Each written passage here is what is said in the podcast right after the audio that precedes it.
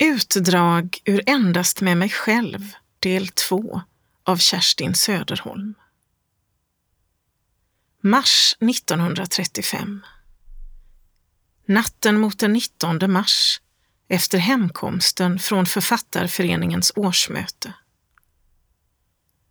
Det hänger ett hjärta ute i rymden, mitt emellan jord och himmel, och det har ingenstädes hemma. Det har inte samhörighet uppåt eller neråt och därför är det ensamt.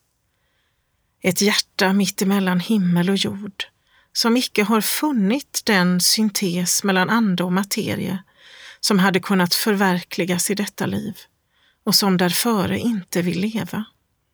Jag förstår en natt som denna att kravet på syntes icke allenas finns inom mig under min viljas makt, men även utanför mig att det ock är skapelsens krav, vilket jag är försatt i och därför oåterkalleligt. Runt omkring mig ropar natten på ett samband som också är av jordens natur och detta samband kan icke förverkligas. Jag kände det redan i natt när jag var ute med kamraterna. En natt full av stämning och otvungen samvaro. Kravet på ett samband som inte kunde fullbordas som stannade liksom mitt i allt skämtet, i all andlig kontakt, som ett förkvävt rop på något mer. Vi ser ett ögonblick en människa öppna sig inför oss. Vi ser in i djup som nästan kommer oss att hissna.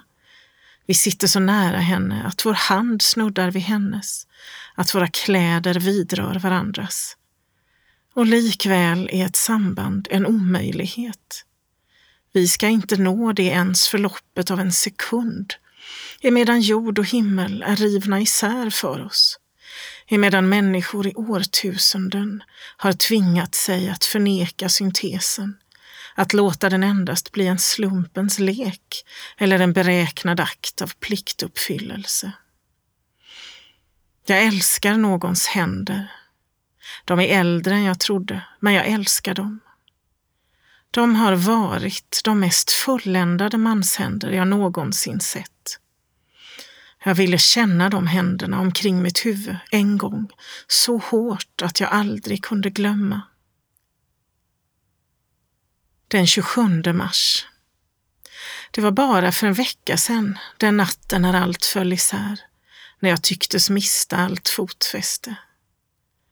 Senaste natt hade jag friden igen friden över alla gränser.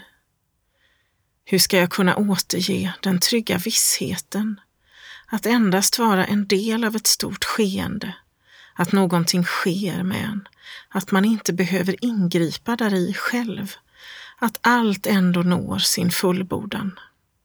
Vad som når sin fullbordan vet man inte. Ingen medveten önskan längre, ingen väntan. Är det stora krafter som har en i sitt våld? Är det deras spel som fullbordas, oberoende av en själv?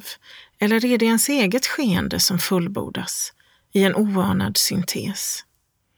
Vi vet det inte. Allt är bara en outsäglig trygghet.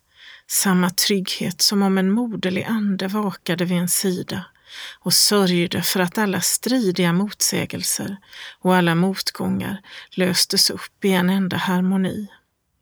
Är min längtan verkligen förstummad i en sådan stund? Eller är den bara omklädd i en oförklarlig och outsäglig förvissning? Jag såg dig igår. Jag vet ingenting mer. Men jag älskar dig som förr över allt förstånd. Hur länge skall min frid vara denna gång, utan uppror?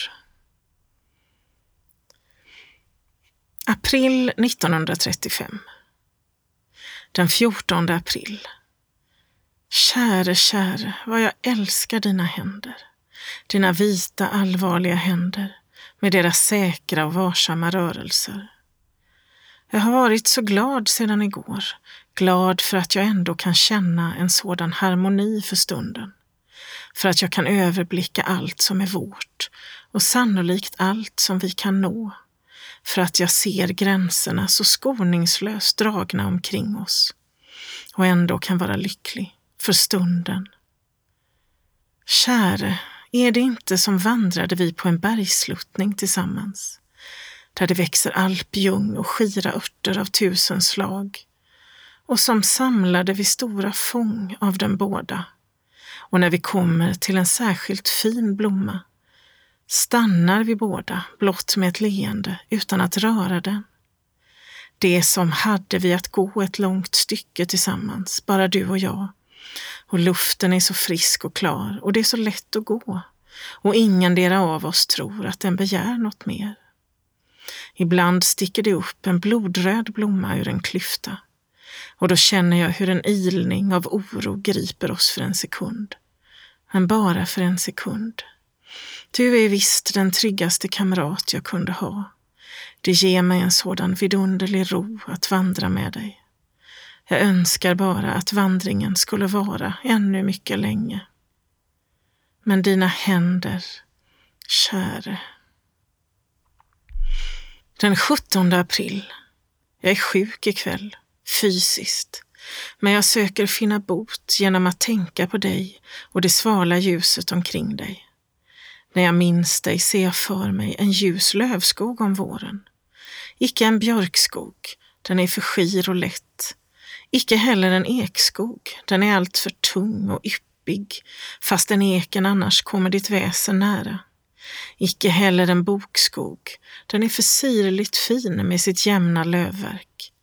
Men om det funnes en skog av unga askar eller popplar, vore det visst du, harmoniska, starka och smäckra, som öppnar sina blad senare än andra träd, som bär sina knippen av violetta och röda hängen ännu på de nakna grenarna.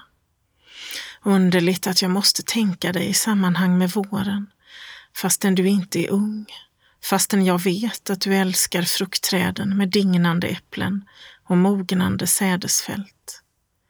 Nej, bakom dig ser jag alltid ett vårlandskap med glittrande vatten och vitblå luft.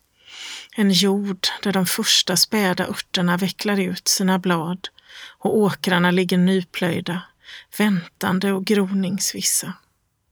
Och över landskapet drar det en vind, så sval och ljus som om aldrig några tunga och kvava skyar kunde förmörka det mera. En vår är du för mig, Skänk mig hälsa, käre.